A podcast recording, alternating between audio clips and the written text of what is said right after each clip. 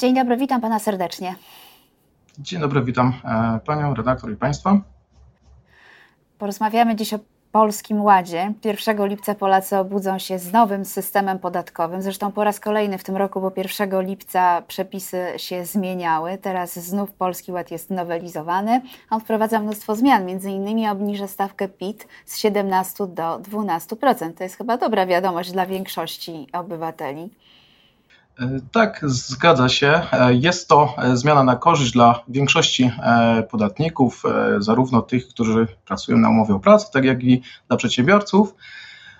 Głównie właśnie na skutek obniżenia stawki podatkowej, właśnie tak jak Pani wspomniała, z 17% do 12%. Jednak cały czas trzeba mieć z tyłu głowy stan prawny, właściwie sposób opodatkowania, jaki mieliśmy do końca ubiegłego roku i kwestia porównania, czy to jest zmiana na korzyść, czy na e, niekorzyść, trzeba odnieść też do poprzedniego e, stanu prawnego, stanu e, opodatkowania, który mieliśmy w 2021 roku. Bo jak spojrzymy szerzej, to trzeba wskazać, że jest to owszem zmiana na korzyść, na plus względem tego, co zostało zaproponowane nam od 1 stycznia 2022 roku.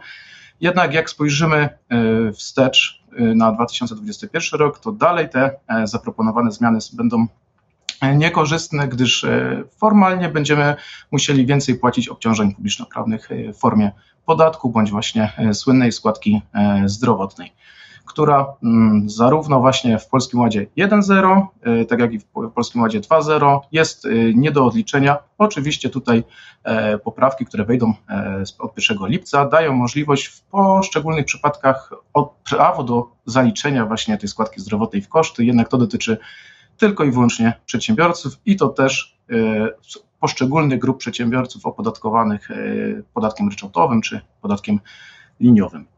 E, więc e, tak jak mówię, czyli, mówię. Czyli chce Pan powiedzieć, że składka zdrowotna spowoduje, że choć e, stawka podatku jest niższa, to może się okazać, że wcale tak naprawdę niższego podatku nie zapłacimy. Dokładnie tak to jest e, owszem duży krok na plus dla podatników, jednak proszę pamiętać, że wcześniej zostały, jak gdyby ja to zawsze porównuję, dwa kroki na minus zrobione, a tutaj mamy takiego półkroczka zrobionego dla e, plus dla, e, dla podatników, w związku z czym dalej mamy jednak te półtora kroku, jak ja to mówię, na niekorzyść dla podatników to, co zostało wprowadzone od początku tego roku e, i miało właśnie łagodzić tą składkę zdrowotną, e, czyli ulga dla klasy średniej, też od 1 lipca 2022 roku jest zlikwidowana, jest, już nie będzie stosowana, już nie będzie możliwości jej zastosowania. E, jednak wynika to z tego, że mechanizm jej obliczania, stosowania, poboru właśnie przez płatników tych e, podatków z uwzględnieniem tej ulgi dla klasy średniej powodowały bardzo dużo e, kłopotów e, od matematycznego wyliczenia poprzez techniczne wyliczenie i pobór zaliczek, w związku z czym tutaj wreszcie ustawodawca wsłuchał się w głosy mm, praktyków i komentatorów, którzy wskazywali, że nie można takiego, o ile sama ulga dla klasy średniej byłaby dosyć ciekawą, fajną instytucją i warto może rozważenia, do, żeby ją wprowadzić, jednak sposób e, jej wprowadzenia, sposób wyliczenia, no, w praktyce okazał się praktycznie nie do zastosowania i do prost, dla, dla, dla prostego Kowalskiego. Trudne do wytłumaczenia, gdzie e, podatkowcy mogli to zrozumieć, księgowi też, to o tyle wytłumaczenie tego prostemu um, przedsiębiorcy, e, prostemu właśnie podatnikowi Kowalskiemu, tak powiem, no następczało dużo kłopotów i e, podejrzewam, że większość osób do końca nie wiedziało, co oznacza ta słynna ulga dla klasy średniej. Myślę, że na pewno, sądząc po pytaniach, które przychodziły do redakcji, no dla wielu osób te algorytmy przy uldze dla klasy średniej były po prostu nieczytelne. Tak, zgadza się. Proszę pamiętać, że mm, to, co finalnie zostało zawarte właśnie w ustawie e, Polski Ład 1.0, jak jest to określane, czyli co weszło w e, ustawę PIT, e, to już była któraś wersja tego wzoru matematycznego, która była uproszczona, bo pierwotnie z pierwszymi projektami to naprawdę trzeba było tutaj już mieć dodatkowo studia matematyczne, żeby móc rozszyfrować, co to jest za wzór i jak go obliczyć. Więc no tutaj ustawodawca zafundował nam w stosunkowo krótkim czasie, w grudniu 2021 roku, no spory problem. Mówię tutaj nam, jako podatkowcom, które, osoby, które zajmują się podatkami, jak i dostarczycielom oprogramowania, które miało ułatwić wyliczenie tego, tego podatku i zastosowanie tej ulgi dla klasy średniej gdzie proszę pamiętać, że ulga dla klasy średniej, tak mówię, bardzo ciekawa, fajna mm, propozycja, jednak ona e, mogła spełniać rolę w takim idealnym świecie, gdzie mamy do czynienia tylko z jednym źródłem dochodów i mamy e, naprawdę bardzo proste opodatkowanie e, podatnika. Natomiast w przypadku, kiedy mamy do czynienia z osobą, która ma kilka źródeł dochodów, rozlicza się wspólnie z małżonkiem, albo nie daj Boże, jeszcze jest tak zwanym pracującym emerytem, to tutaj już naprawdę ten wzór e, bardzo się rozjeżdżał z oczekiwaniami, jakie miał spełniać, czyli łagodzić tą, tą składkę zdrowotną, a z tym, co faktycznie wychodziło do zapłaty mm, przedsiębiorcom, czy też osobom pracującym, w związku z czym na początku roku mieliśmy tak, e,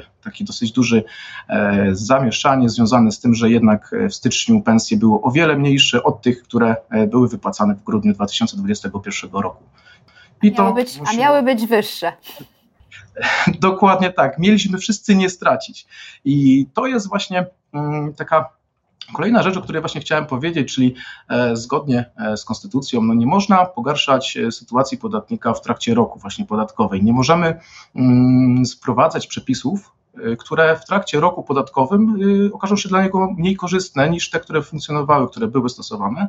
No, wynika to ze stałości prawa i przewidywalności tego prawa, szczególnie gdzie mamy prawo podatkowe podatek PIT w perspektywie roku zawsze rozliczany, więc nie możemy w trakcie roku być e, zaskakiwani e, drastycznymi zmianami, które są na niekorzyść. Tylko mogą być wdrażane takie zmiany, które są e, korzystne i w związku z czym ten Polski Ład 2.0, który likwiduje ulgę dla klasy średniej, obniża nam, obniża nam stawkę podatkową, ma być w większości przypadków korzystny. Jednak mówię tu w większości, ponieważ jak dobrze wiemy i moje doświadczenie już 15-letnie, gdzie się podatkami zajmuję, wskazuje, że mogę kilka przypadków wskazać, kiedy nie będzie to jednak e, tak korzystne.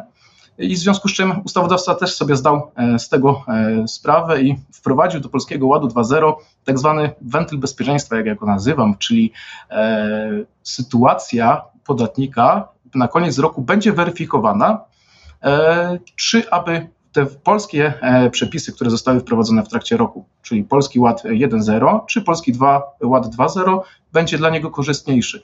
I tutaj e, ustawodawca przerzucił ten obowiązek porównania e, tych dwóch systemów prawnych i wyliczenia podatków w oparciu o jeden system, czyli ten Polski Ład 1.0 i Polski Ład 2.0 na koniec roku e, naczelników. Naczelnik ma porównać po zakończeniu roku podatkowego, co by podatnik zapłacił w oparciu o jeden system i o drugi. I ten, który byłby dla niego korzystny, czyli zapłaciłby mniej podatku, ma zostać faktycznie zastosowany.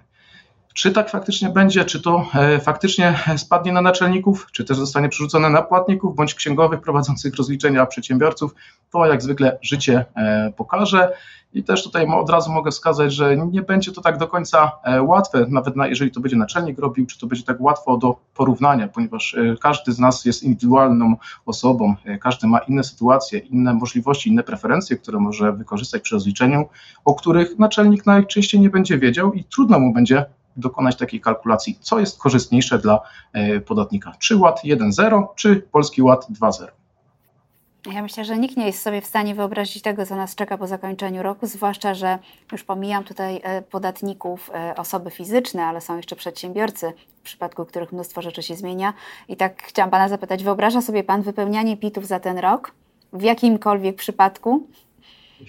Powiem Pani tak, już w przypadku tego Polskiego Ładu 1.0, gdzie mieliśmy tą słynną ulgę mm, dla klasy średniej, już e, na samym początku e, szereg praktyków zgłaszało, e, także też ze strony ministerstwa i urzędów skarbowych, że nie wyobrażają sobie, jak, w jakiej formie ma przybrać właśnie to rozliczenie, gdzie poszczególne ulgi mają być wykazane, obliczone i jak to ma sumarycznie wyglądać ponieważ e, wszyscy dobrze znamy nasze pity, wiemy, one są mniej więcej rok do roku, były mniej więcej takie same z drobnymi zmianami. Jednak na skutek wprowadzenia tych e, ulgi, tej ulgi e, dla klasy średniej, no tutaj nam do, pojawiły się dodatkowe kolumny, które musiały być wykazane uzasadnione, dlaczego jest taka, a nie inna kwota wskazana, a w związku z czym, jeżeli teraz mamy przez pół roku stosowaną ulgę, teraz przez drugą, e, drugie pół roku nie, nie będziemy mieli stosowanej tej ulgi dla klasy średniej, to zeznanie za 2022 rok to będzie naprawdę wyzwanie zarówno dla podatników, płatników, no jak i e, dla ministerstwa, czyli organów e, podatkowych, które będą musiały weryfikować e,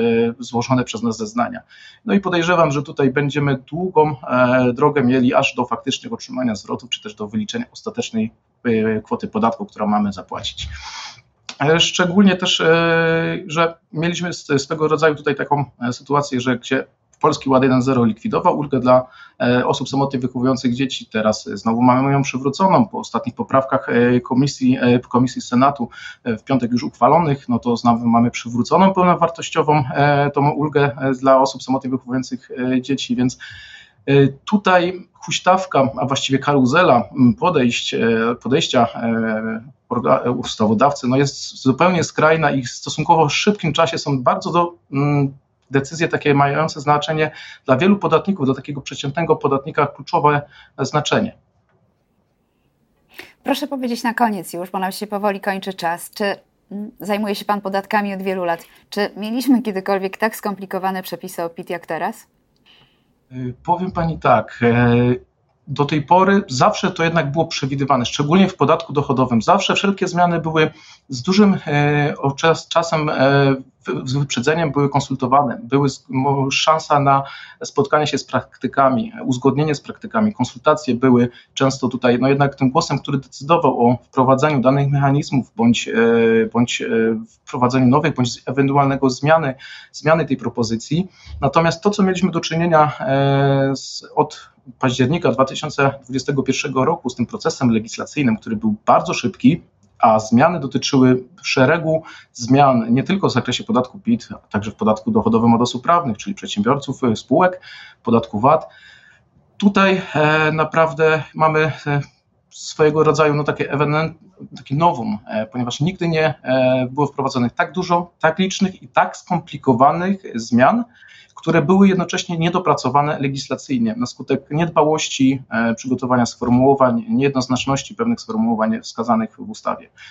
Więc tutaj e, wydaje mi się, że pośpiech na pewno nie był e, dobrym doradcą, ponieważ znając intencje ustawodawcy, no, one zostały niewdrożone i nieimplementowane zupełnie e, poprawnie i odbiegający sposób od realiów życiowych właśnie do e, ustaw podatkowych, no, które dotykają wszystkich e, tutaj naszych obywateli i rezydentów podatkowych.